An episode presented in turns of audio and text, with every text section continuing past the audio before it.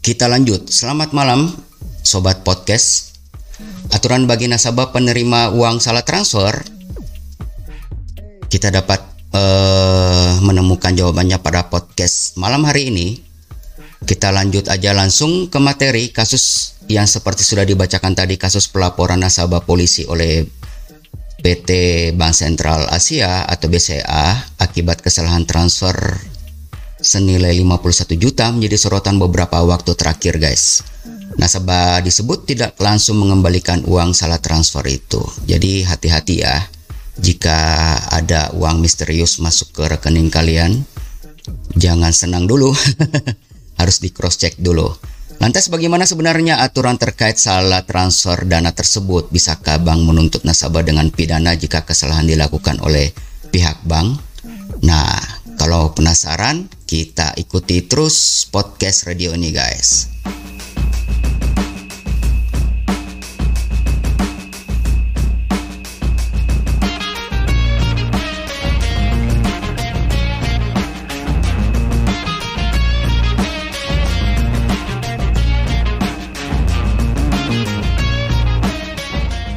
Baik, kembali kepada topik kita bahwa dapat uang nomplok, rezeki nomplok di rekening. Atau salah transfer ya, seperti yang kemarin sudah lagi heboh-hebohnya ya tentang seseorang yang mendapatkan dana dapat uang salah transfer maksudnya. Dan akhirnya berujung di pidana. Bagaimana? Kita lanjutin lagi.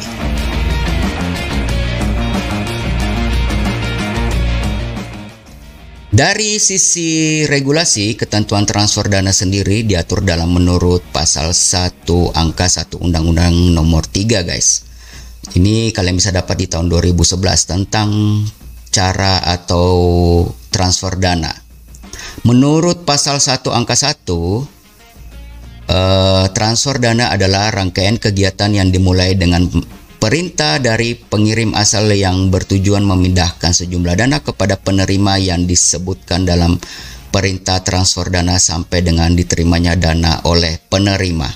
Dana yang dimaksud dapat berupa uang tunai yang diserahkan oleh pengirim kepada penyelenggara penerima uang yang tersimpan di dalam rekening pengirim pada penyelenggara penerima atau uang yang tersimpan dalam rekening penyelenggara penerima pada penyelenggara penerima lainnya. Semoga tidak bingung. Kemudian dana juga bisa berbentuk uang yang tersimpan dalam rekening penerima pada penyelenggara penerima akhir. Uang yang tersimpan dalam rekening penyelenggara penerima yang dialokasikan untuk kepentingan penerima yang tidak mempunyai rekening pada penyelenggara tersebut dan atau fasilitas cerukan atau overdraft atau fasilitas kredit yang diberikan penyelenggara kepada pengirim. Selanjutnya, pasal 8 undang-undang tersebut menjelaskan bahwa perintah transfer dana harus memuat sekurang-kurangnya enam informasi yakni identitas pengirim, identitas penerima, identitas penyelenggara, penerima akhir, jumlah dana dan jenis mata uang yang ditransfer tanggal perintah transfer dana, informasi lain yang menurut peraturan perundang-undangan yang terkait dengan transfer dana wajib dicantumkan dalam perintah transfer dana tersebut.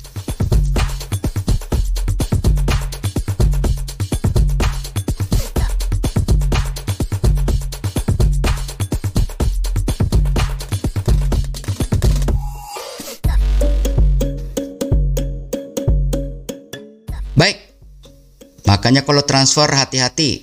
Eh kalau kita sih hati-hati ya. Tapi kalau pihak sono tuh gimana ya? Aduh, Mimin harus hati-hati guys karena takut ke Soleo uh, ada UU ITE.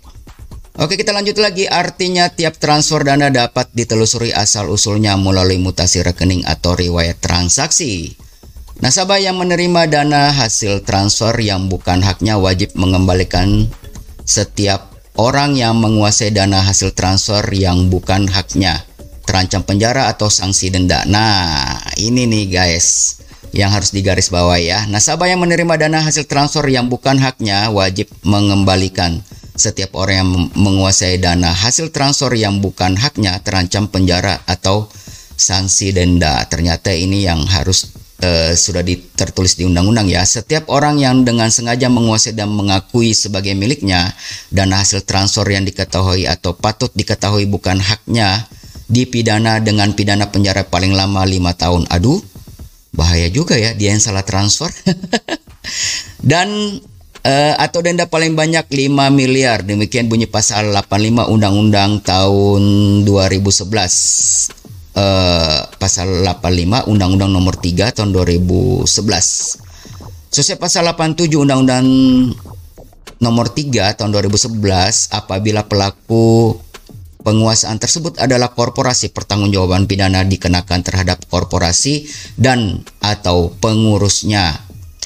Kor korporasi atau perusahaan dikenal pertanggungjawaban secara pidana terhadap suatu perbuatan yang dilakukan untuk dan atau atas nama korporasi jika perbuatan tersebut termasuk dalam lingkup usahanya sebagaimana ditentukan dalam anggaran dasar atau ketentuan lain yang berlaku bagi korporasi yang bersangkutan ditulis pada pasal 87 ayat 2 Undang-Undang Nomor 3 Tahun 2011. Pidana dijatuhkan kepada korporasi jika tindak pidana dilakukan atau diperintahkan oleh personel pengendali korporasi dilakukan dalam rangka pemenuhan maksud dan tujuan korporasi dilakukan sesuai dengan tugas dan fungsi pelaku atau pemberi perintah dan dilakukan dengan maksud memberi manfaat di korporasi. Apabila pelakunya adalah korporasi, maka pidana denda dimaksimumkan ditambah 2 per 3. Waduh, hati-hati guys. Lebih lanjut, pasal 88 Undang-Undang nomor 3 tahun 2011 menyatakan penguasaan dana uh, penguasaan dana hasil transfer yang bukan hak milik juga dapat dikenai kewajiban pengembalian dana hasil tindak pidana beserta jasa bunga dan kompensasi kepada pihak yang dirugikan. Demikian topik hari ini guys.